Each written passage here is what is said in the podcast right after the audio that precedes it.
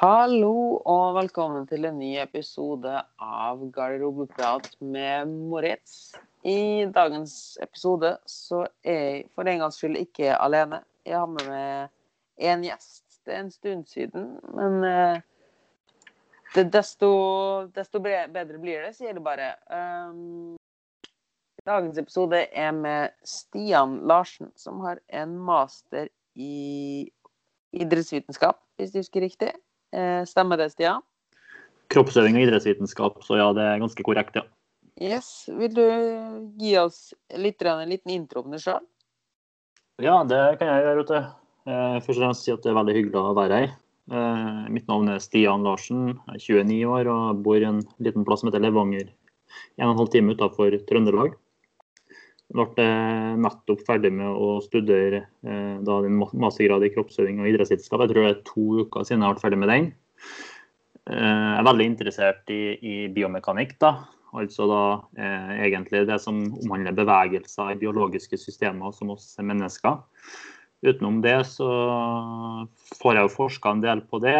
Eh, har vel publisert en seks artikler nå og har fire stykk til, til inntil fagfellesvurdering. da. Og så jobber jeg på en treningssenter som heter for Care, eller en treningskjede som heter for Care, som holdt til rundt om i Levanger, Steinkjer, eh, Verdal og Namsos. da, Som jeg tar over og blir direktør for i, eh, rundt 1. august, kanskje litt før det. Ja, og så jobber jeg som eh, powerlifting coach eller styrkeløfttrener for helse og prestasjon, eller såkalt online coach. og har noen få kunder jeg følger opp der på sida. Og så har jeg litt ansvar for noe som heter for Bar, som er et nytt merke som selger selger spesiell type stang og litt annet styrkeutstyr. Som jeg driver og forsker litt for på litt sånn oppdragsforskning. Og vi har tenkt kanskje å lage noen utdanninger og sånn etter hvert, da. Ja, sånn utenom det så er jeg jo veldig interessert i i biomekanikk uten at jeg forsker på det. Jeg er veldig interessert i styrketrening generelt. Interessert i, litt interessert i psykologi. Er noe, det er egentlig bare for eget. Da. Det er ikke noe jeg forsker på. Eller jo, det er jo for så vidt det å holde på å publisere et studie på det i forhold til motiv for å trene på treningssenter sammen med han Taron og noen få andre. Han som har vært der tidligere på, mener jeg. Han er på podkasten her. Ja. Og ja, har eh, konkurrert aktivt i styrkeløft i ja, bare noen fem-seks stevner. men Jeg var så mye skada, for jeg visste ikke helt hva jeg holdt på med på den tida der. Så Mm. jeg har lagt det litt tilbake meg. Men jeg trener jo andre. Ja, så jeg er interessert, litt interessert i sjakk. Jeg har spilt litt i klubb. Ikke spilt så veldig mye, men jeg syns det er veldig interessant. Og så er jeg ihuga Liverpool-supporter, da. Nei, da ser jeg allerede at vi kan egentlig avslutte praten med en gang. Jeg er Chelsea her, så da Ja, ja, men Chelsea er ikke det verste laget. Du er nå fornøyd med året, du sikkert? Ja, absolutt. Absolutt. Skal ikke klage der. Nei, nei. Jeg er ikke noe mot Men Chelsea. eh, det er bra. Jeg har ikke så mye mot Liverpool heller. Ja. Men um, Simen, hvor mange timer har det døgnet ditt? Det var jo litt av en liste med ting. Ja. Får du tid til å sove en gang på eh, året, skulle jeg si? Ja, nei, det er jo mye som skjer, da. Eh, jeg- Egentlig så kan jeg jo egentlig kvote han eh, Soros Josani. Tok PT-utdanning gjennom AFPT også, og tatt en del sertifiseringer der. Og han syns jeg fremstilte egentlig hvordan du kan disponere tida di på en veldig sånn hensiktsmessig måte. da. Du har jo 168 timer i løpet av uka. Og hvis du sover åtte timer hver natt, noe jeg prøver å gjøre, da sover du 56 timer i uka. Og hvis du da jobber 37,5 timer, du kan runde opp til 40 timer med, med tur-retur reise, så har du da 72 timer til overs. Eh, Så jeg er veldig glad i å prøve å eh, rett og slett legge til rette dagene mine for å få mest mulig ut av dem. Da. Eh, Så jeg er veldig Mm. disiplinert. Jeg prøver nå i hvert fall å være det. Og, og ja, Så jeg prøver å bruke så og så mye tid til trening. Søvn er faktisk noe jeg prioriterer ganske mye. eh, Mm. For det er viktig for bl.a. muskelvekst og restitusjon. Og ja, så prøver jeg å prøver jeg egentlig å være mest mulig disiplinert. da. Men eh, selvfølgelig, det er jo mye som skjer. Men så er det jo litt sånn i forhold til hvis vi skal se på det fra et periodiseringsperspektiv, så har jeg enkelte dager jeg prioriterer enkelte ting mer da, enn andre. Og så er jeg jo veldig heldig som er et fantastisk miljø her i Levanger. Eh, Bl.a. den treningskjeden. Der har vi jo veldig gode ansatte. Som jeg er så heldig å få samarbeide med. Så jeg har jo full tillit til at de ansatte gjør en fantastisk jobb. Og så er jeg jo en del av et uh, veldig voksende forskningsmiljø her på Levanger sammen med bl.a. han jeg bor med kompisen min, Erik Kristiansen, som er veldig, også veldig nerdete på biomekanikk, har publisert mye med. Uh, Markus Haugen, som jeg driver helse og prestasjon med, som også er veldig interessert i forskning. Og Halvard Falk, da, som er en god kompis som jeg også forsker litt med. og så er vi noen flere òg, da. Men det er jo gjennom den, kanskje den harde kjernen da, sammen med Roland von Dentilar, som da er, er rådgiveren vår og professor oppe på nord. Da. Så for å komme tilbake, så prøver jeg å prioritere enkelte ting og være ganske disiplinert. Da. Mm. Og jeg tror du toucher noe ganske viktig her. og Det at hvordan du aktivt liksom fordeler tiden din og eh, lager en plan, og ikke mm. minst hvordan du altså, du har satt opp miljøet rundt det for å kunne prestere optimalt, da. Mm. Eh, på mange forskjellige plan. Eh, mm. F.eks. med det at du prioriterer søvn, fordi du vet at hvis du sover mer, så kan du da den ene timen du jobber, da, f.eks. med et eller annet, så vil du kunne jobbe mer produktivt den timen hvis du sover mer. At du investerer tid. Du er veldig bevisst på hvor du investerer tid for å få igjen noe annet, da. Absolutt. Det er jeg helt eh, enig i. Mm. Og jeg kjenner meg veldig godt igjen i mye av det du gjør. at eh, Også man bør strukturere døgnet sitt da, på en eller annen måte. Og jeg tror det er veldig mange som har mye å hente der, spesielt nå i sommerferien. Og det har jeg gjerne litt lyst til å komme tilbake til seinere. Mm. Men eh, det jeg først har lyst til å snakke litt om, det, det er jo åssen jeg kom over det igjen. da, altså, Vi har jo vært i kontakt tidligere. men det var jo faktisk ved at du, du og din forskning og dine kollegaer ble nevnt i Stronger by Science sin podkast altså, nei, ja, Stronger by Science-podkasten av Greg Knuckles og Eric Drexler. Um, og vil egentlig bare Ja, hva skal man si? En liten shout-out. For du er jo med på å sette Norge på forskning, forskningskartet, da. Du er nå en av mm. veldig, veldig få i Norge som faktisk publiserer innenfor dette her temaet, da. Hvis man kan kalle det så dumt det høres ut, men i Meathead Science, da.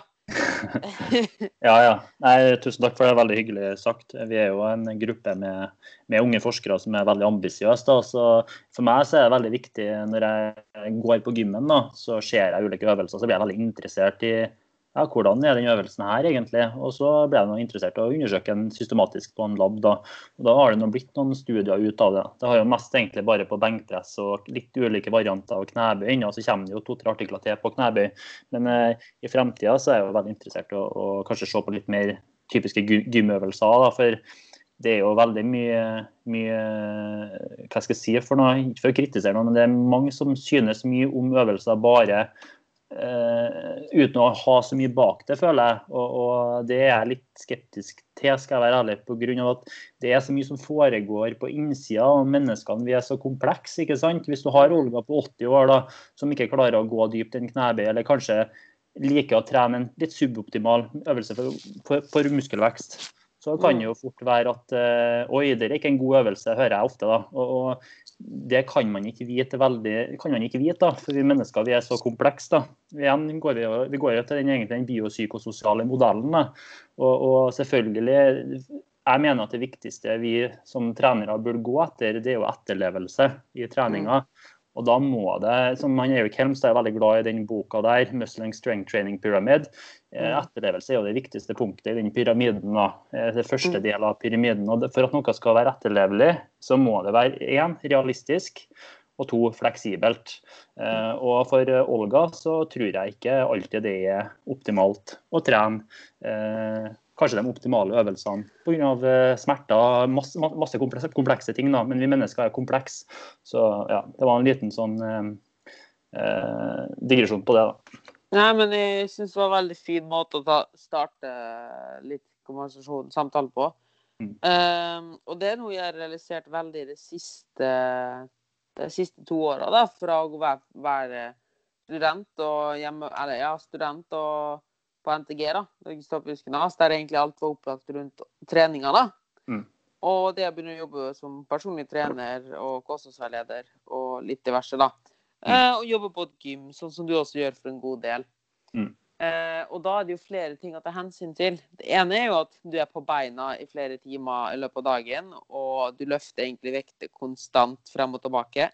Mm, godt poeng. Eh, som da gjør at det er enkelte øvelser som Altså f.eks. mitt beinvolum. da, altså Akkurat nå er jeg i et prosjekt der jeg skal løpe en god del, og har noen ultra på, på lang sikt har jeg noen ultraløp i øyet, da, så jeg bygger opp volumet der.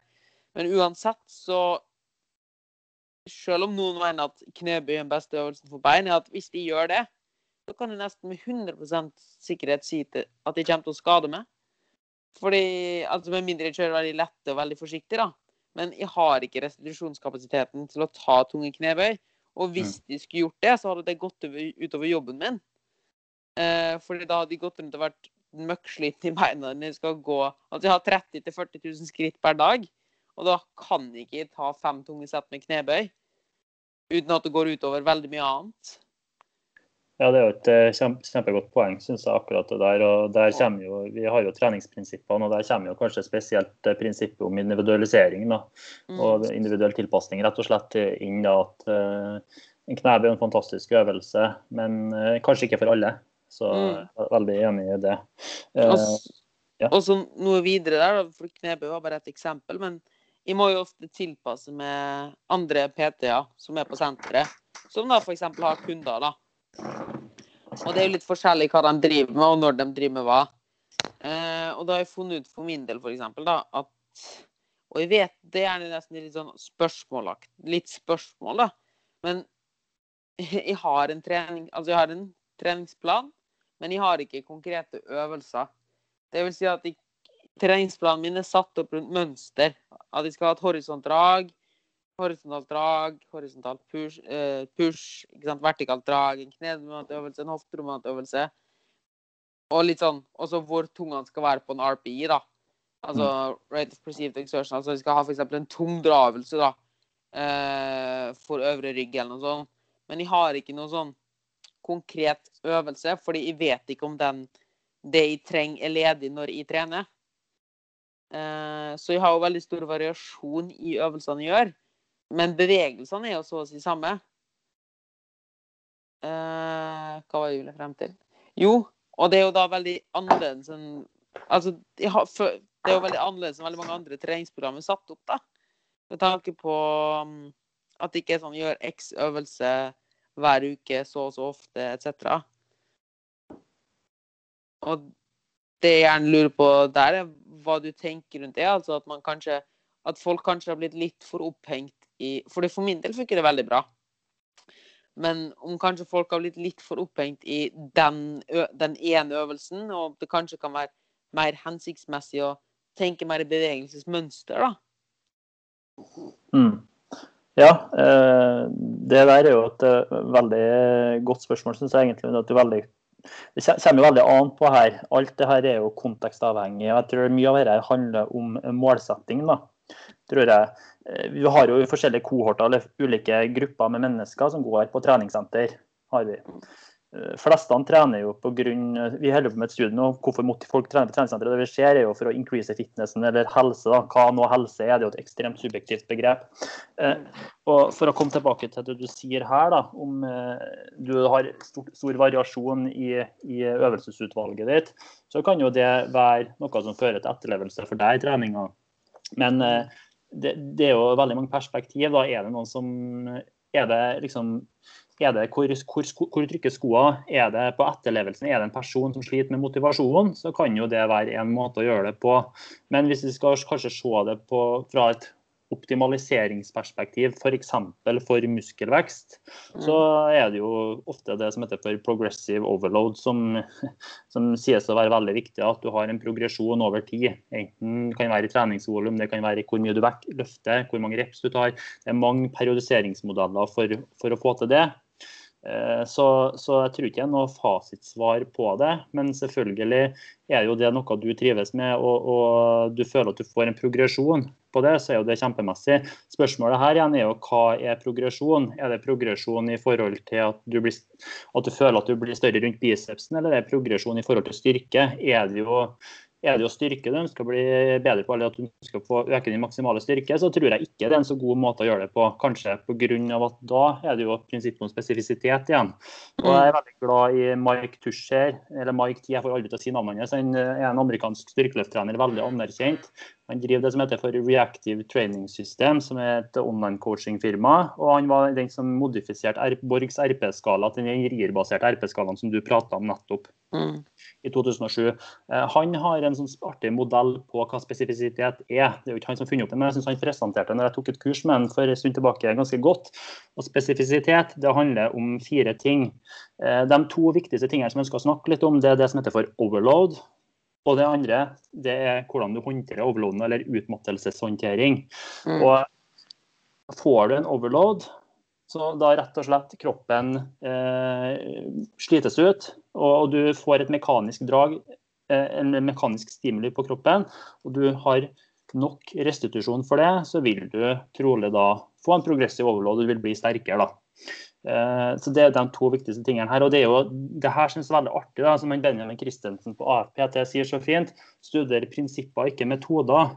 For du har tusenvis av metoder som, håndter, som omhandler overload på den ene sida, og hvordan du håndterer overloadene. Det kan være 5-3-1, det kan være dobbel progresjon, det kan være lineær progresjon, lineær periodisering. ikke sant? Det er mange måter å gjøre det på. Mm. Men det er jo de prinsippene her, da. Og da er jo det eventuelt det forholdet mellom overload er veldig viktig, men også selvfølgelig hvordan du håndterer utmattelsene.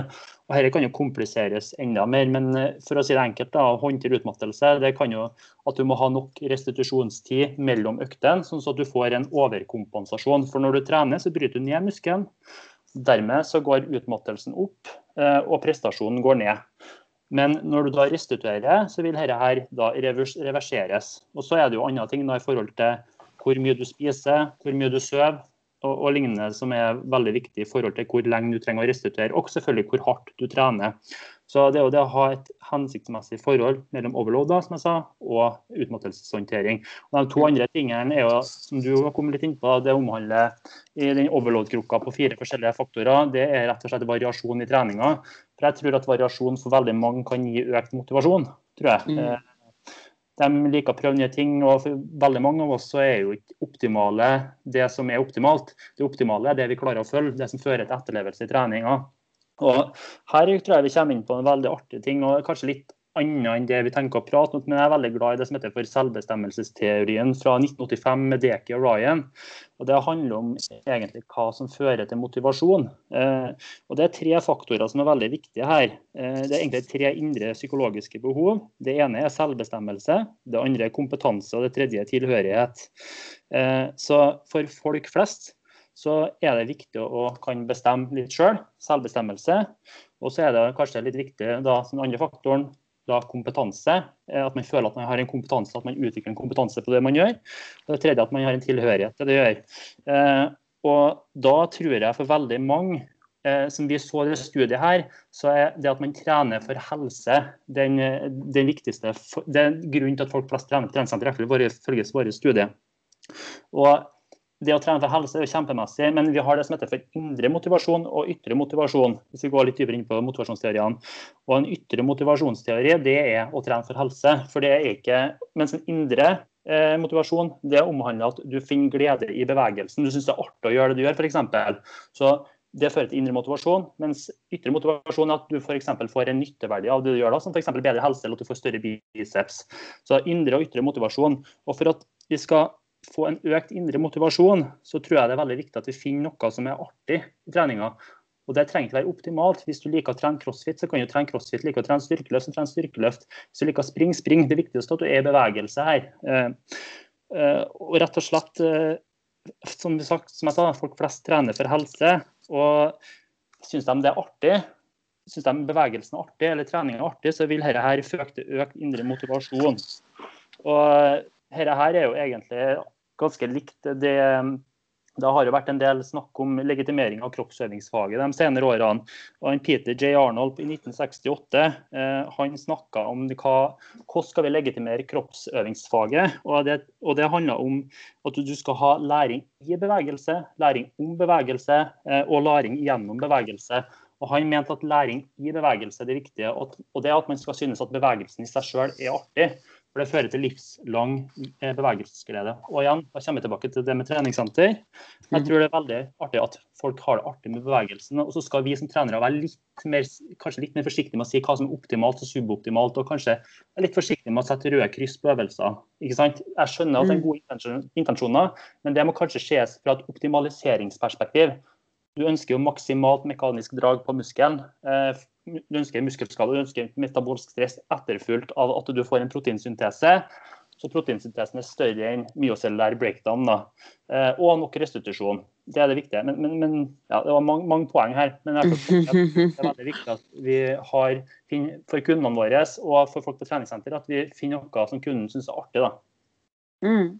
Jeg syns det, det var, Har du skrevet ned alle tallene fra før, eller tar du det fra hodet? Disse årstallene og sånne ting? Nei, det her er jo fra studier, men akkurat det her er fra hodet, ja. Men, Nei, det, men, eh, det, er imponerende. Nei, jeg eh, skrev jo en eksamen om han Peter J. Arnold fra 1968, så det husker jeg. Selv, selvbestemmelsesteorien er fra 1985, så det er egentlig ganske tilfeldig at jeg husker dem. Nei, um, jeg har jo bare Jeg husker ikke hvem som sa det. Um, men jeg tror det var Åh, hvem kan det ha vært? Jeg tror det var mm, Det var en på SPT. Jeg tror det var han, det var han eh, Halvor Laustad. Mm. Det var en av de første forelesningene jeg hadde da. Og det er en ting han sa som jeg egentlig aldri kommer til å glemme. Og det er muskel er dumt kjøtt som, eh, som responderer på stimuli. Ja. eh, fordi vi har jo en tendens å, å overkomplisere ting, eller å nyansere ting veldig, da. Og det er bra, det, for å få forskninga videre og for å finne ut mer ting. Det må til. Punktum. I alle slags fag. Problemet er jo at trening og kosthold er jo noe som interesserer veldig mange. Eh, og, men det de ofte ikke skjønner, er at det som liksom er grunnlaget, da, det er på plass. Det er vi alle enige om, egentlig, så å si. Bortsett fra noen sånn Dr. Fung eh, og litt sånn forskjellig. Med karbohydrat, insulin og litt forskjellig. Men uansett. Eh, så, um, så er vi jo egentlig enige om det grunnleggende. F.eks. det at for å bli større og sterkere, så må du overbelaste muskulaturen. Punktum. Det vil jeg si at alle er ganske enige i. Mm. Um, men det vi ikke er enig i, er sånne små detaljer og slike ting. Liksom Hva som er den beste øvelsen for dette, hvor mye vinkel du må ha her, om det er bedre å spise da eller da, eller om du bør trene på morgen eller kveld, og slike ting. da.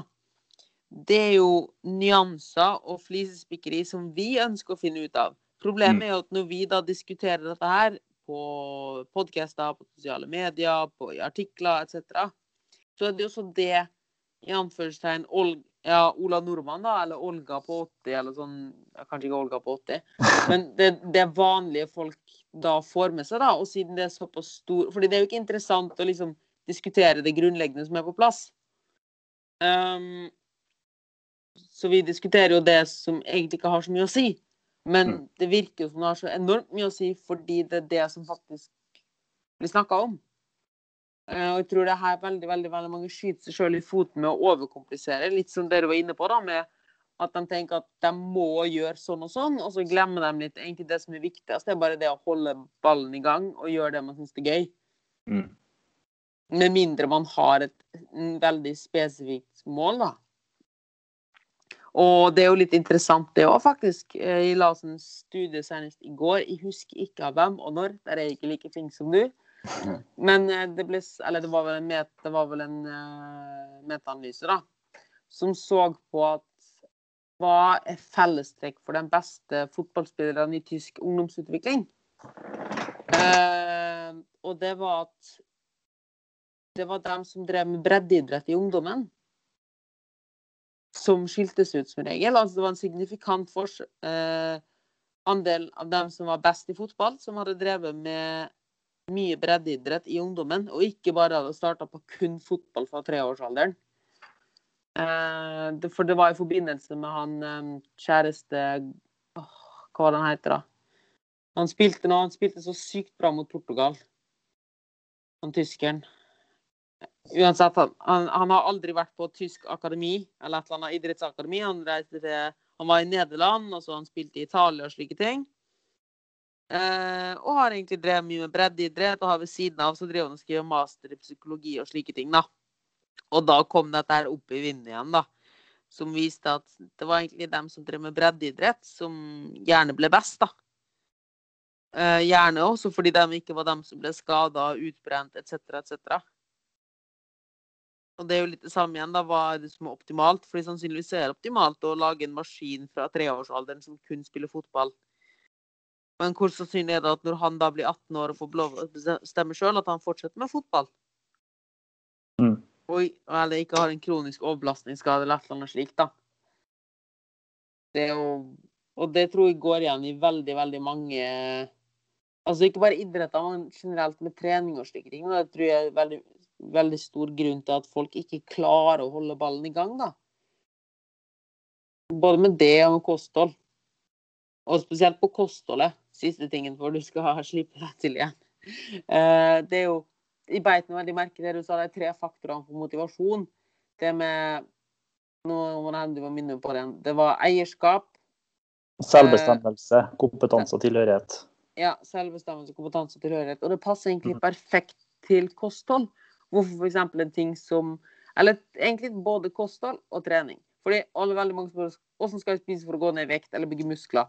Kan de få en kostholdsplan, eller kan de få en treningsplan? Problemet er jo at ingen av disse faktorene er øh, oppfylt. Altså, du får bare en random plan som du gjennomfører. Med mindre du har forståelse for den planen, så har du ikke forståelse og kompetanse for det. Du har ikke noe, øh, har ikke noe selvbestemmelse, for du har bare fått den planen. Noen andre sier hva du skal gjøre. Og ikke minst så har du ikke noen form for tilpasning. Altså, du kan ikke liksom gjøre det, individualisere det da, på egen hånd. Det er det som er en av de største problemene man ser i da, med sånne her generiske trenings- og kostholdsplaner, som dessverre veldig mange tyr til, fordi det er enkelt. Og fordi de har sett at en eller annen Og det er derfor det også det ikke hjelper å se eller spørre hva gjør du for å se sånn ut, eller hva gjør Oi, han gjorde sånn og sånn for å bli sånn og sånn. Da må jeg gjøre det samme. For da innfrir du ikke disse faktorene. Hvis de, Ja. hvis de forsto det riktig, da, i hvert fall. Jo, jo absolutt. Eh, Jeg tror absolutt det. Eh, Det, det, det her er jo fryk, fryk, fryktelig komplekst, ikke sant? Eh, Så, så for, for meg er det jo ikke, mitt fagfelt, heller, men det er jo bare noe jeg er interessert i, egentlig. Så, så, men hvis vi skal ta, ta med litt videre, kanskje så skjer det fra et eh, litt mer sånn sosiologisk perspektiv. Da, hvis vi skal gå litt, Jeg er jo veldig glad i folkehelseperspektivet. Jeg syns Mm. det er veldig komplekst, da, for jeg vet jo ikke helt hva helse er sjøl. Ifølge Fugelli husker det hus- Årstall husker jeg faktisk ikke, så han gjorde et studie for den spurte norske befolkninga. Så fant han ut at det, var, det er veldig subjektivt. da. Hva, er, hva er sunn? Hva er helse? Jeg tror det er veldig subjektive termer. Hva som er sunt for en kreftpasient, kan være noe helt annet enn hva som er sunt for en toppidrettsutøver. ikke sant? Mm. Eh, Men hvis vi skal se litt på det med implementering av trening og sånn, da, så jeg synes eh, sosiologien har en veldig, veldig fine tanker på det. Spesielt, eh, jeg vet ikke om du har hørt om eh, sosiologen, jeg husker ikke fornavnet men heter, for Durkheim. Han har det som heter for ritual, ritualsosiologi. Og Det omhandler om hvordan du klarer å implementere gode vaner og rett og slett ritual da, i barndommen. og det, det man ser da, det er at Har du ofte en veldig idrettsaktiv familie som har tar deg med på idrett som liten, så er det ofte noe du implementerer i voksen alder. Og her og det, det her tror jeg er også gjeldende i, i, i voksen alder. da, At hvis du klarer å rett og slett få vanene med å trene, og du klarer å implementere det, så, så tror jeg at, eh, at mye kan være gjort. da, Men dette her er jo igjen veldig komplekst. Eh, og, og jeg jo, vet ikke om du har lest den boka til James Clair som heter for 'Mikrovaner'. Eh, han Ja. går ganske i dybde på det her, da. Ja. Mm. Du har vel den fra James Clair. Er det, er det han som har Tiny Habits? Det er han som har Tiny Habits. Atomic Habits, ja. Det er mikrovaner på norsk, da. Ja, ja, ja. Men du har også en som heter Tiny Habits av Åh, hva er det han heter? Er det mulig? Utrolig god bok der nå, da, og det er litt, det er litt samme greia. Mm. Um, snakker veldig mye om hvordan du kan bygge opp mange mange små vaner til å bli en større en. da. Mm. Uh, og snakker veldig mye om dette med habit chains, blant annet. Altså at du knytter én ting til noe annet. Absolutt. Og det der er jo den firepunktsregelen deres som jeg syns er veldig spennende, som omhandler signal, Du får et signal, så får du et sug. Så får du, en respons, eh, du gjør en respons, og så får du en belønning. F.eks. det å skru på lyset. Du har et signal om at det er mørkt. Dermed så får du lyst eller et sug til å skru på lyset. Da skrur du på lyset, og så får du belønning med at det blir lyst. Dette her kan jo omhandle, gjøres om til hvilken som helst eh, vane, egentlig, i forhold til det som omhandler at du skal f.eks. implementere trening. da. Mm. Og så er det veldig fascinerende dette her, og det tror jeg er veldig, veldig viktig med å implementere trening. da det er jo det med at um, det er veldig viktig med balansen mellom disse fire. Mm. Det at belønninga di står i stil med, med, innsatsen du legger inn, da. Det er derfor jeg er også veldig glad i dette med det tiny habit-konseptet, det med habit stacking. da. Mm. Eh, at du gradvis øker i form av Når én ting ikke er noe, noe, tungt lenger, eller noe, noe som du faktisk må ofre noe for, da, så kan du bygge videre på det. Fordi belønningen blir ofte ikke noe særlig større. Så da hjelper det ikke å bare Og no, noe av det favoritten min, som jeg pleier å gå igjen Og det er en utrolig fascinerende ting, og jeg vet ikke om du har hørt om det. Eh, men den, går, den starter egentlig i finans, men egentlig i nesten alle eh, konsept i livet. Og det er Pareto-prinsippet. det var en italiensk det var vel en italiensk finansmann på 1800-tallet eller noe sånt, eller 1600-tallet. Og det går enkelt og greit ut på at, at uh, med 20% innsats så får du 80% resultat. Og for de resterende 20% av resultat, så må du gi 80 mye mer, da. Så egentlig det at det, det, det, står ikke i stil, da. Og det er ofte her folk brennes ut, at de liksom vil gjøre det optimale. Og så blir de misfornøyd, da, fordi innsatsen de må legge inn, står ikke i stil med hva de får tilbake, da. Og hvis man bare skrur det bitte, bitte litt tilbake, la man si at man gir 100% og får 100% Og det er litt sånn, man føler seg litt sånn Det er 100 og det er gjerne ikke det man forventer å få, da. Fordi vi har litt sånn feil forståelse for ting.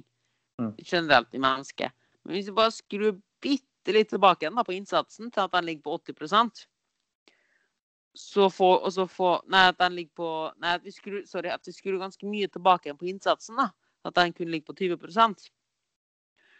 så vil det virke som at vi får uproporsjonalt mye igjen for det. da. Og vi tenker shit, dette var kjekt, det var gøy. Det vil fortsette med. Vi får jo så mye igjen for det. Mm. Ja, det er, det er jo, jeg er jo veldig glad i det Pareto-prinsippet. Eh, selvfølgelig så er jo det et prinsipp, da. Eh, og det er jo ikke, er jo ikke en, en, teori, det er litt forskjell. Men jeg, er veldig glad i det og jeg er veldig enig i det. Hvis vi, hvis vi igjen skal gå nederst på den skalaen, den eh, pyramiden, så er det jo det med etterlevelse.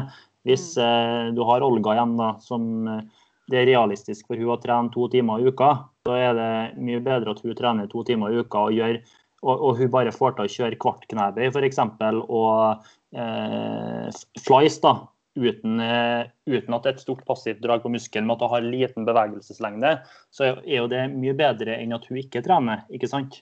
Mm. Så absolutt enig i det.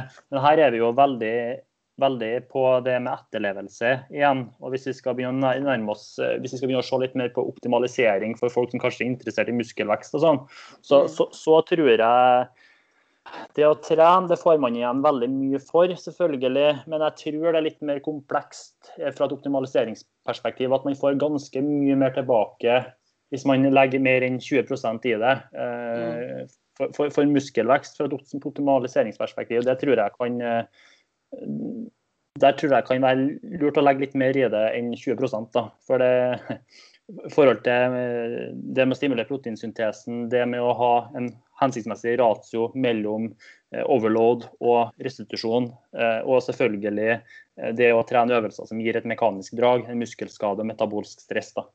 Mm. Men igjen så tror jeg at folk eh, Det er helt klart noe man må tenke mer på, men jeg tror at igjen folk overkompliserer det ekstremt. da.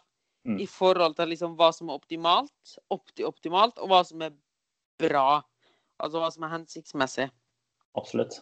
Uh, og at de igjen skyter seg i foten her. Men kanskje For det vi tenkte å snakke litt om Jeg har jo tidligere aldri snakka veldig mye med han uh, Tor André Sandum om nettopp dette med hvordan man bygger muskler etc. Og liksom hva som skal til med hvor mange sett og øh, frekvens og alt som skal til, og hutten med tutten. Eh, Det jeg gjerne hadde lyst til å snakke litt mer med det om, er jo dette her med hva som fordi nå snakka jo litt om at det spesielt for muskelvekst så kan det være lurt å være, være, tenke litt mer på øvelser man velger og slike ting.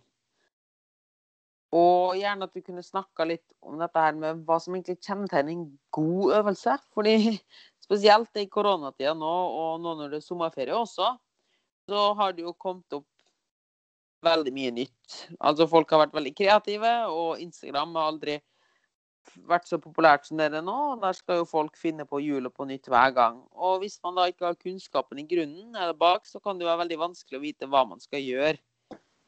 Eh, og kanskje det er litt sånn Kanskje kunne det komme en litt sånn guide eller forklaring på hva folk bør se etter, da, om hva som er en god øvelse, og hva som ikke er en god øvelse? Ja, eh, jeg må kanskje avgrense spørsmålet, men hva tenker du en god øvelse for muskelvekst for en person som er smertefri? da? Mm. Ok, eh, Da vil jeg egentlig rett og slett eh, gjøre det mest mulig enkelt. og det er at Jeg vil avgrense meg til å snakke om det mekaniske draget i en øvelse. Eh, Mekanisk drag det deles opp i passivt drag og aktivt drag. Altså to komponenter, passivt drag og aktivt drag. Hvor det passive draget det er når du har full strekk på muskelen. Det har vist seg å være veldig viktig for muskelvekst. I tillegg så har du det andre meka for mekanisk drag, som da er det aktive draget. Det er f.eks. hvis du gjør en bicepskull, altså du av armen din, så i toppen så vil du få maks aktivt drag. Eller f.eks. på toppen av en hit thrust. Så jeg er veldig glad i å ha et øvelsesutvalg hvor én øvelse har maksimalt passivt drag, og en annen øvelse har aktiv, maksimalt aktivt drag. F.eks. kan en øvelse som har maksimalt passivt drag, altså at muskelen forlenges maksimalt og strekkes over leddene, kan f.eks. For, for, eh, skal- hva skal vi si, for eh, kneleddet så kan jo f.eks. det være en eh, knebøy, en kjempedyp knebøy. Mm. Eller for, kan, for rumpa er kanskje et bedre eksempel. For rumpa så kan det være eh, en knebøy. For, på, på, for over hofteleddet da, så forlenges muskelen. Gjør den.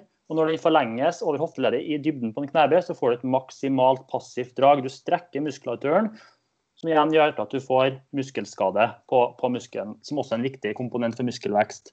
Mens hvis du f.eks.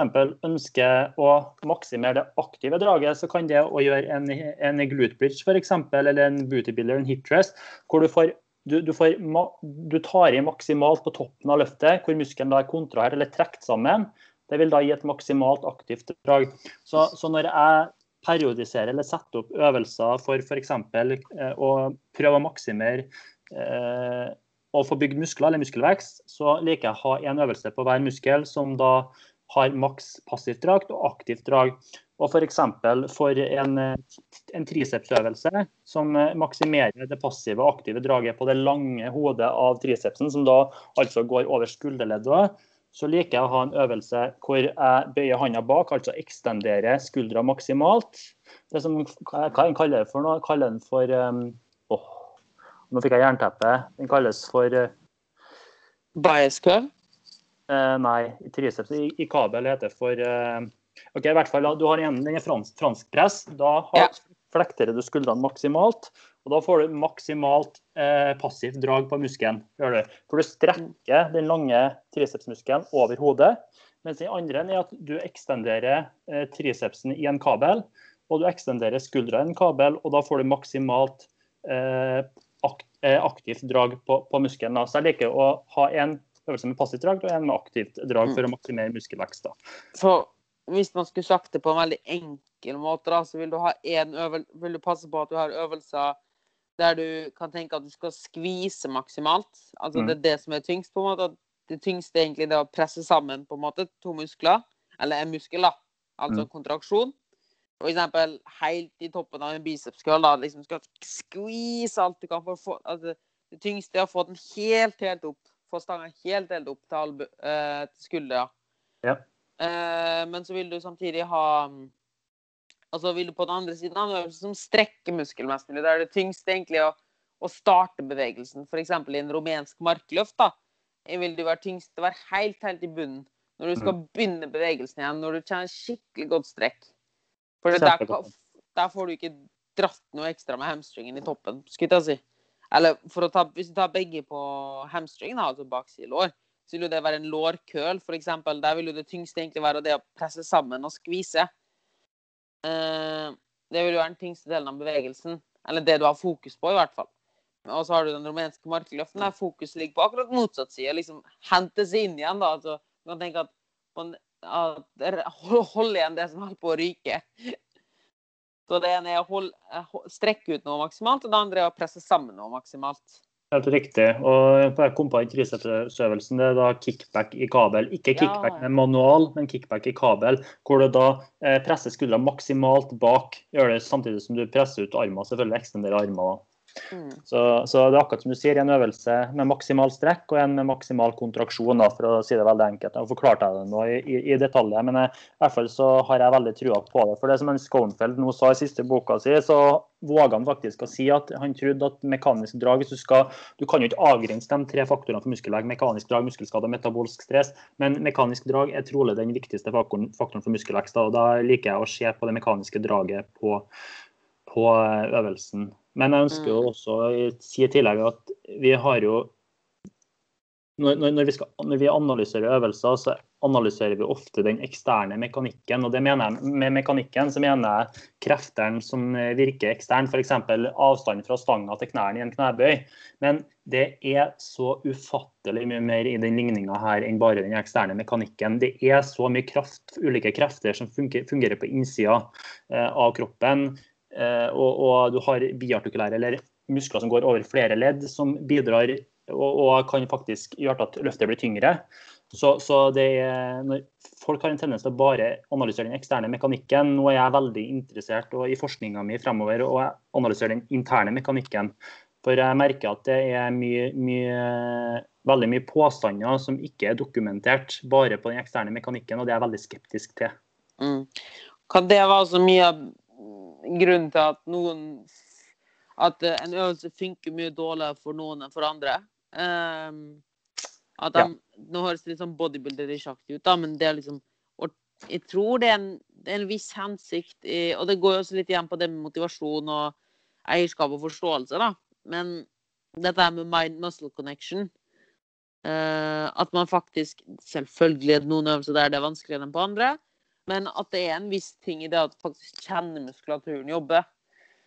Uh, for å finne en optimal Altså, jeg tror at det er en god sammenheng mellom at du faktisk ikke Og det betyr, og det her tror jeg det, det her er veldig viktig å være nyansert, for det er litt det jeg vil komme litt videre inn på. da. Og det er det forskjellen med det å kjenne at en muskel jobber, og det å, å kjenne at en muskel jobber, da. uh, fordi det er veldig mange tror, da, at vi mener at vi da som la oss si evidensbaserte, da, eller meatheads, eller hva du vil søren vil kalle det, eh, det er jo at når vi tenker på kjenne en muskel jobbe, så tenker vi at det er riv, eller at vi kjenner en viss pump, eller noe slikt. Eller at vi får en feedback da, at det, det går i. Kanskje ikke så konkret hva det er, men at vi kjenner et eller annet. Så vi nesten kan forestille oss litt hvordan muskelen jobber. Uh, men det jeg tror veldig mange misforstår dette her med, at det skal brenne og at det skal være melkesyre i denne muskulaturen. Eh, og det jeg er gjerne litt inne på, da, da, det de da gjerne tenker på, er jo det metabolske stresset, eller det de føler på, eller bare det at det er opphopning av melkesyre. Men det er jo ikke melkesyre seg sjøl som fremmer muskelvekst. Altså, de får melkesyre hvis de heller en blyant i fem, altså hvis de heller en kopp med kaffe i 90 grader i 50 minutter, så vil de få melkesyre. Jeg vil kjenne det helt græla muskulaturen. Eller hvis de bare som flekser bicepsen maksimalt, så vil du få melkesyre i bicepsen. Og jeg tror det er det veldig mange forstår under å kjenne muskulaturen sin, da. Um, men jeg tror det er en og, Men jeg tror det er en viss hensikt å forstå liksom, OK, nå, nå kjenner jeg at muskelen min jobber. Men det, det, ikke, men det mener jeg ikke at du skal kjenne at melkesyre, da.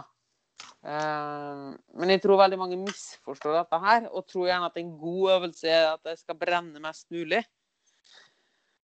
Det var litt vanskelig stilt spørsmål, egentlig, men jeg tror det jeg ville frem til, var at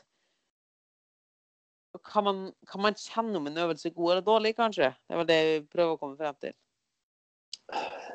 Det har ikke noe klart fasitsvar på. Det kom jo en artikkel av Skånfeld med kollegaene her om det med mind muscle connection i biceps curl. Nå har ikke jeg lest den så, så dypt, jeg har så mye jeg sitter og leser på om dagene. Men der visste de jo at er som ble QA til å ha et internt fokus da, på, på biceps faktisk fikk signifikant større, større muskelvekst. Jeg mener Styrkebror har en ganske god post på den studien. Jeg diskuterte den litt med men jeg, men jeg husker ikke. Men jeg tror selvfølgelig at eh, jeg, jeg, tror at hvis man liker å gjøre en øvelse, og man føler at, eh, at den øvelsen her gir noe, så tror jeg at det kan være kjempepositivt. Tror jeg. Uh, absolutt. Mm. Men jeg tror nok at det henger sammen med altså jeg tror at jeg, sånn veldig, fall bruker det veldig mye hos PT-kundene mine da, og generelt med klienter, er at jeg, jeg, ber dem prøve å kjenne etter at muskelen jobber. For det jeg ofte legger merke til, er at teknikken blir en god del bedre. Eh, for I stedet for at du bare gjør en bevegelse, så gjør du faktisk en bevegelse med intensjon. Og da er det mye lettere å forstå ok, nå, nå har jeg begynt å få dårligere teknikk eller mindre optimal teknikk. Når, de, når, du, når du kjenner det mindre igjen, da. Så det er en sånn fin kontroll å ha. Mm. Ja, absolutt. Og igjen, altså, jeg er jo, jeg er jo også mye veldig glad i, i, i forskning og sånn, men når det kommer i praksis, da, når vi skal gå fra laben til gymmet, så handler det jo ofte om én ting, og det er rett og slett å få progresjon hos kunden. Jeg er en pragmatiker, en praktiker. Det viktigste for meg er at kunden får progresjon. Og, og, Hvis du merker at det funker for kundene dine, så tenker jeg at det er kjempemessig. Så lenge du har en logisk argument for å gjøre det, og gjerne litt teori òg, selvfølgelig. Mm. Så, så, det er jo igjen, han Benjamin Christensen eh, jeg er veldig fan av han. Han er kjempeflink fagansvarlig på FPT. Jeg har diskutert mye med han. Han syns jeg sa det så veldig fint en gang. Det, det, med kunnskap, da, rett og slett. Da, det å, å, få forskjellige verktøy. Hvis du han sa det sånn at hvis du har en hammer, så kan du kun slå spiker. Men hvis du, får, hvis du, lærer nye ting, du tar kurs, du lærer nye ting, så, så, vil du få flere verktøy, og da kan du bruke flere ting i verktøykassa di for å justere. Så jeg er eh, akkurat, akkurat når det kommer til treningsperiodisering, PT, rehab og sånne ting, så er jo det som en kokkekunst. Vi har mm. verktøyene basert på evidensen, og vi har forskninga i bakgrunnen, men så må vi rett og slett eh, kokkelære og, og, og, og, basert på kundens behov. Og igjen, den biopsykososiale modellen. Vi er eksepsjonelt komplekse, komplekse system. Er vi, og, jeg tror eh, det å ha god kunnskap om det biopsykososiale, at vi er biologisk, altså da biomekanikk, psykologisk ikke sant, Vi er psykologiske system og vi er sosiologiske system, rett og slett. da, så, så, tror jeg at vi kan legge til rette bedre, da, men det er veldig komplekst. og Når alt kommer til alt, så handler det om én ting, og det er at kundene har eh, progresjon, og at de er fornøyd, rett og slett, tenker jeg. Mm, og jeg tror det som gjør at vel, noen fall, Man kan nesten omhandle Eller si at å være en personlig trener eller kostveileder og slik, det, det er like mye en kunst som det er vitenskap. Mm. Eh, for det må ha en veldig stor kreativ del. da. Og det som du sier, lær det, lær det prinsipp i stedet for metoder. Mm. Uh, når det, og gjerne Det er gjerne her, da, du ser en veldig stor forskjell mellom uh, For å komme litt inn på det her med gode øvelser og hvem du skal stole på, eller hva du skal se etter og slike ting, da. Og det er gjerne noe som går igjen, da, er jo veldig enkelt for oss Veldig enkelt og veldig enkelt, men en god del enklere for oss å se da, på f.eks. Instagram eller sosiale medier generelt og slikt, er jo dette her med at forskjellen på noen som har peiling, og noen som ikke har peiling. Eh, for da går det ofte i metoder, pugging, i stedet for eh, prinsipp, da jeg liksom gjør dette programmet for sånn og sånn, eller ja, denne øvelsen brenner så og så mye, eller eh, følg denne kostplanen for slik og slik, og at det er ekstremt mye gjør akkurat det og det og det. For det funka for meg. Eller fordi det har jeg snappa opp et sted.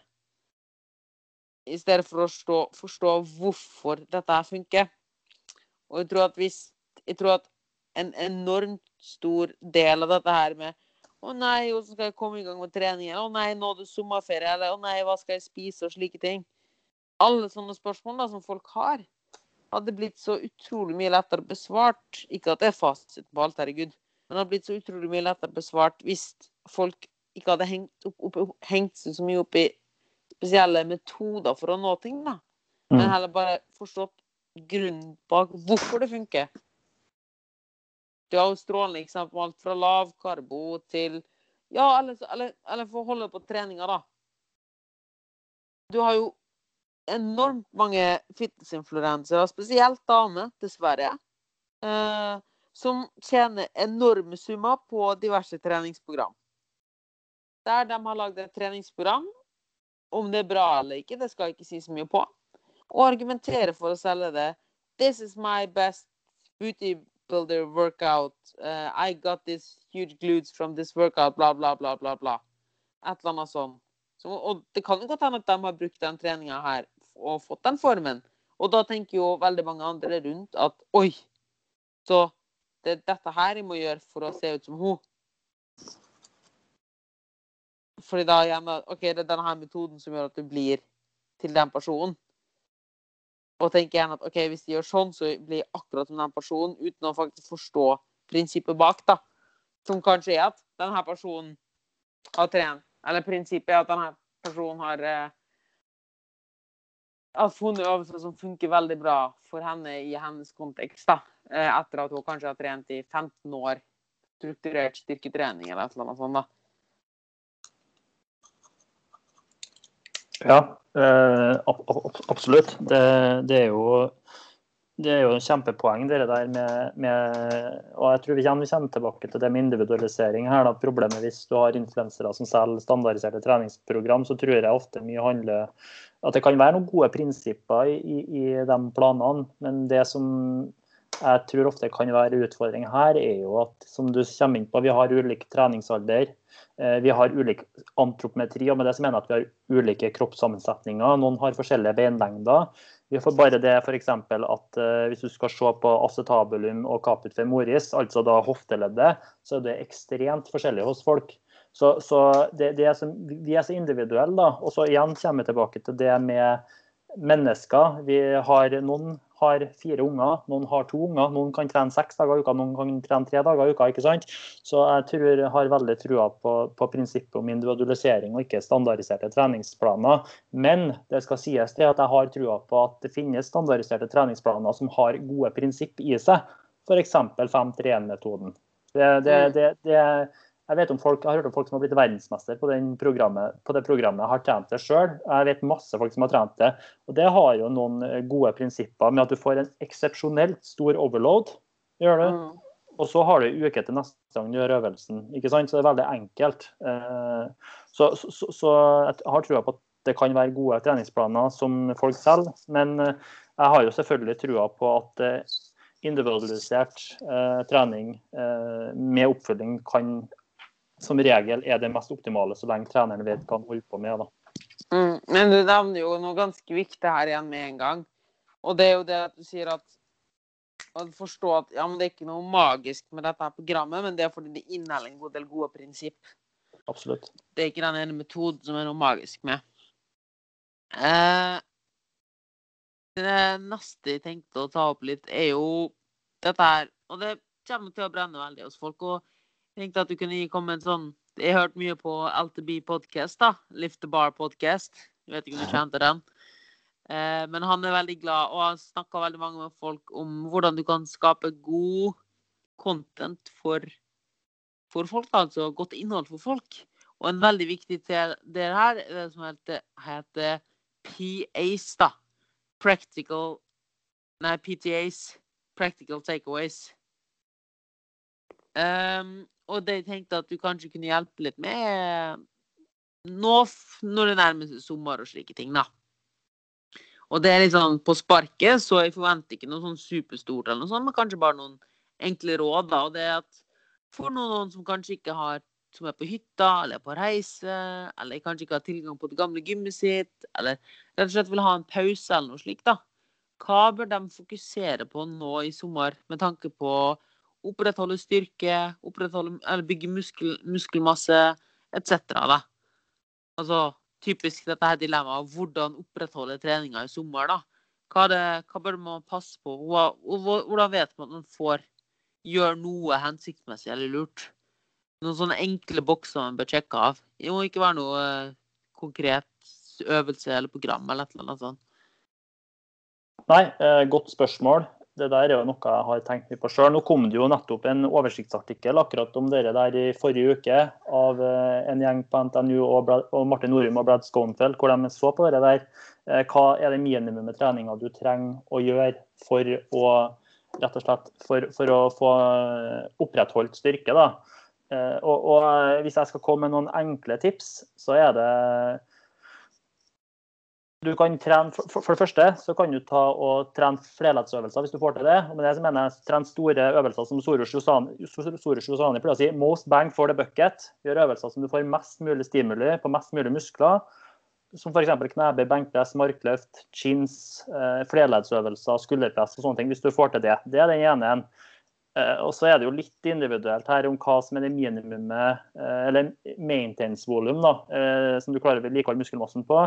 Men fire til seks sett i uka kan du, kan du f.eks. gjøre. Per, per, per muskelgruppe, eller ikke nødvendigvis per muskelgruppe, men per bevegelse. Som du vant på i starten, at du f.eks. har et vertikalt drag, en vertikal push, en horisontal push, en horisontalt drag og, og en hoftedominant øvelse og en knedominant øvelse. Eh, Mm. F.eks. velge en øvelse der. Da kan du ta en, jeg tror det var, jeg husker ikke akkurat hva det står i artikkelen, jeg mener det var ned mot fire sett i uka for å vedlikeholde. Det er fryktelig lite som skal til. Så det så, så jeg kan eksempel da ta Hvis du tar et kjempeenkelt, la oss si at jeg er på ferie på hotell, da. Ja. Og har kjempelite tid til å trene. La oss si ti minutter per dag. Mm. Eh, så kan jeg da eksempel på mandag kun ta pushups fem sett utmattelse. Uh, og så på tirsdag så tar jeg fem sett med split Nei, med, ja, med pistol squats til utmattelse. Uh, og så fortsetter vi sånn på en og en øvelse, eller en og en en en bevegelse gjennom hele uka, da. Ja, helt riktig. Hvis, hvis du, det er jo et kjempegodt poeng. Eh, hvis du skal se på hjemmetrening spesielt, spesielt, så er det viktig at det kjøres utmattelse. For, for på hjemmetrening så vil du få et mindre mekanisk drag, for du har ikke eksterne vekter. Og da tror jeg at det metabolske stresset, som vil si rett og slett en opphopning av slagstoffet og avfallsstoffet i muskulaturen, blir den viktige faktoren for å beholde musklene. Så da er det å kjøre til utmattelse. Hvis, hvis du er hjemmetrening og du ikke har eksterne vekter, da er det å kjøre fire, fire til seks sett f.eks. Kan gjøre én gang i uka da, bare for å beholde det. Det er en fin måte, men da må det kjøres til utmattelse. Eller nærme utmattelse. Mm. Og så Hvis du har tilgang til gym, så kan du jo alltids eh, kjøre f.eks. supersett. Kan du. du kan eh, kjøre f.eks. du kjører skulderpress med, med chins, eller da eh, hva heter det på norsk? Opptrekk. Pullups. ja. Ikke sant? Eh, Kropps, kroppshevninger. Kroppshevninger heter det. Jeg, jeg snakker nesten aldri, aldri norsk. Nei, ikke jeg. Husker, jeg husker det så godt. Det var, det var faktisk eh, din kjære Benjamin Christensen Mm. som dissa meg så sykt på det der. Fordi når hun spurte spørsmål, så er det sånn Are they else? Og han bare Hva sa du? Nei, Romanian deadlift. Hva var det du kalte det? Og sa Rumenske markløft. Takk. Ja, men det, det er jo kjempepoeng. Jeg er jo, sitter jo egentlig bare og prater med nerdevennene mine hele tida, så jeg er jo ikke vant til, å, vant til å snakke si øvelser på norsk og sånne ting. Så det blir jo ofte avanserte fa fagbegrep, for det er det jeg er vant til. Ja, jeg er veldig lik på det. Så hvis vi skal, skal, hvis vi skal forkorte, da, så er det kjør øvelser, flerleddsøvelser. Eh, Kjør fire til seks sett i uka for, for vedlikehold. Kjør til utmattelse, eh, rett og slett. Det, det er det. Eh, Så lenge du er hjemmetrening. Hvis du kjører med eksterne vekter, så vil du jo få et større mekanisk drag. Men den relative intensiteten, altså hvor tungt du løfter, kan jo jeg mener rundt 7-8 RP. Det vil si at du har to til tre reps til gode. da. Ja, så det er faktisk såpass enkelt. Ja, for det, er faktisk fryktelig lite som skal til for å vedlikeholde muskulatur. Og så vil jeg jo selvfølgelig ha prioritert å, å få i meg eh, proteiner, da. Vil jeg. Og eh, det er jo litt avhengig av eh, hvilket nivå du er på og hvor seriøs det er. Men er du jo seriøs, så er det vel hva er 1,6-2,2 gram proteiner per kilo kroppsvekt, som er ofte anbefalt. Ja, jeg pleier, jeg pleier faktisk å gå så høyt, for jeg går etter Yuma Iraki sin, da. Den Mm. sin in off-season. Ja. Så jeg går faktisk opp til 2-3,5, For jeg tenker det er en ting du kan spise mye av, så er det protein. absolutt. Kjempepoeng. I hvert fall hvis du trener mindre, så tror jeg det er veldig, veldig greit. da. Eh, og så er det jo Og så er det vel altså sånn det du legger, det er vanskeligst å legge på seg av også. Altså fett. Ja, eh, dere der er jo Juma i en podkast prater ganske mye om det. Jeg synes, har faktisk hørt Jeg synes det var kjempegodt i forhold til studiet hvor de lå 800 kalorier over eh, maintenance. da De la jo ikke på seg. Når det var rene proteiner, vel å merke. da. Mm. Så, men, eh, men, eh, ja, det også er det vel proteintiming òg. At du ønsker å ha tre til seks topper hvor du spiser ganske mye proteiner for å stimulere proteinsyntesen. Jeg mener 0,55 gram per kilo kroppsvekt. da. Så for meg så er det vel opp til 49 gram proteiner per måltid. da. Ja. Mm, bør det inneholde. Så da er en stor pakke Eller det er vel en og en halv pakke kyllingfilet. Nei, altså kyllingskinke, for eksempel, da. Eller, ja. to, eller tre skyryoghurter blir det vel. To til tre skyryoghurter, slike ting, da. Ja. Nå skal jeg eh. være ærlig og si at uh, kosthold det er ikke mitt fagfelt, jeg er biomekaniker. Jeg, og det har jeg, har jeg nesten ikke prata om engang. Nei, men uh, jeg var litt redd for det og holdt det litt igjen. da, for jeg tenkte at det er veldig vanskelig å snakke om noe slikt i en podkast. Uh, spesielt for det som er såpass engasjert i det. da. Mm. og jeg tror nok det er nok noen få i blant annet som hadde elska å hørt mer om det. Mm. Men jeg tror at 95% av lytterskaren hadde bare tuna helt ut og ikke skjønt været. Og det er helt i orden. Det er, ikke, det er ikke sånn, det, det, er nettopp derfor du er ekspert på dette her. Fordi folk flest ikke skjønner det. Det er det som er jobben din, å gjøre, det, gjør, gjør den jobben for folk. Ja, ja, takk for det. Nei, det, det, det, er jo det jeg har lyst til å prate om, egentlig. Men, men eh, selvfølgelig, det er jo i forhold til hva folk er interessert i å høre om. Men jeg stiller jo gjerne, hvis noen er interessert i å høre mer om biomekanikk, så kan jeg jo prate om det i fremtida. Absolutt, det har vært kjempekult. Eh, det, så for å oppsummere den sommertingen litt, da, før vi begynner å snevre oss litt ned her, eh, det er at du bør trene Hvis du ikke har tilgang på et gym, eller hvis du har tilgang på et gym også, så bør du trene i hvert fall få inn fire til seks sett i uka per muskelgruppe, eller per bevegelse, eller per muskelgruppe. Eh, og være ganske nærme utmattelse, da. Gjerne helt til utmattelse hvis du ikke har tilgang på vekter. Eh, og når det kommer til kosthold, så er det egentlig bare å si det på en enkel måte. Og det at Er det én ting vi kan overspise på på grillfesten, så er det kyllingen. ja. Nei men det er faktisk fra spøk til alvor, da, så er det faktisk Hvis du er litt redd for at du skeier ut sånn på kostholdet, da, og liksom føler at du ikke helt klarer å begrense det, en veldig enkel regel du kan folde her, det er at forsyn det bare mest mulig med kjøtt og fisken. Og grønnsakene. Absolutt. Proteiner, ja, proteiner er jo veldig viktig, men du skal jo ikke neglisjere når det kommer til fett og, og karbohydrater heller, selvfølgelig. Nei, nei, eh, men, men jeg tenkte nå hvis du vil skru av litt, så gjerne ikke baconpølse, da. Det kan vi kanskje passe på litt inntaket på. Men eh, for å ta det litt til slutt her, da. Hva, hvor er det hvis folk vil vite litt mer om biomekanikk, lese litt mer om studiene dine, kanskje komme i kontakt med deg angående veiledning og coaching, hvor er det de kan finne deg? Ja, eh, hvis de ønsker å diskutere ting, men så kan de jo bare skrive til meg på Instagram. Der heter jeg for nettopp skifta navn til coach Stian.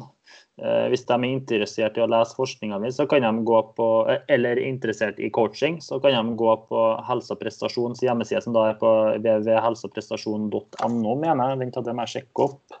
Helseprestasjon.no, ja.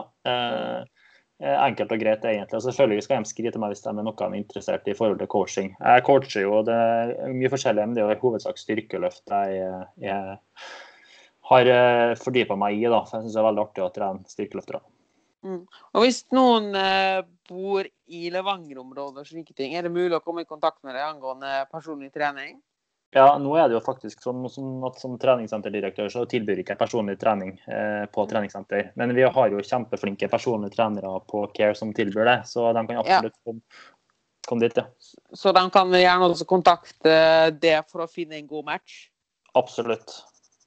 Mm, konge. Men eh, det skal jeg alt linke til i shownotesa. Så bra. Og med det vil jeg egentlig bare si tusen takk for at du stilte opp. Og ja. Takk, egentlig. Og så får vi håpe at lytterne liker det, og at kanskje det blir en episode nummer to.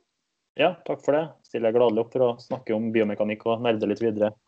Og på helt til slutt så vil jeg bare på personlig basis si tusen takk for all den forskninga du bidrar med. Jeg følger med på alt og syns det er utrolig gøy. Og det er en sånn liten det er en sånn liten patriot inni meg som får sånn yay når de hører at eh, Greg Knuckles og Eric Hound snakker om Norge, f.eks. Ja. Eh, Ja, det er kult. Eh, Takk for det. Da snakkes vi kanskje. Det gjør vi. Ha det bra. Ha det bra.